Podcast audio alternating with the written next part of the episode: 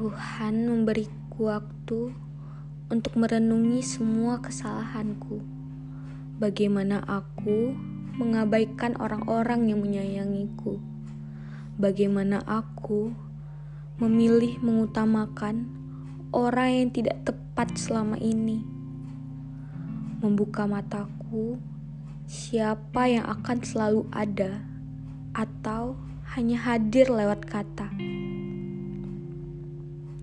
Ada yang berusaha datang secepat mungkin, mengutuk jalanan yang macet, mengutuk lampu merah, mengutuk laju kendaraan yang tak bisa datang secepat mungkin di tempatku yang terkena musibah.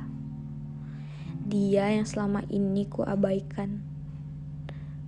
Ada seseorang yang hadirnya ku utamakan. Jangankan datang melihatku, hadir memenuhi notifikasiku pun tidak. Kulihat aktivitasnya melalui storynya.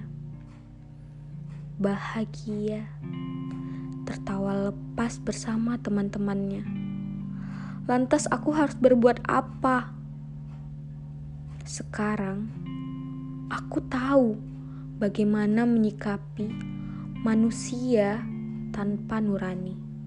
Sekarang, tak perlu berucap rasa jika kau saja tak memiliki hati untuk merasa. Kulepaskan kita. Sepertinya memang benar. Seharusnya aku memilih biasa saja.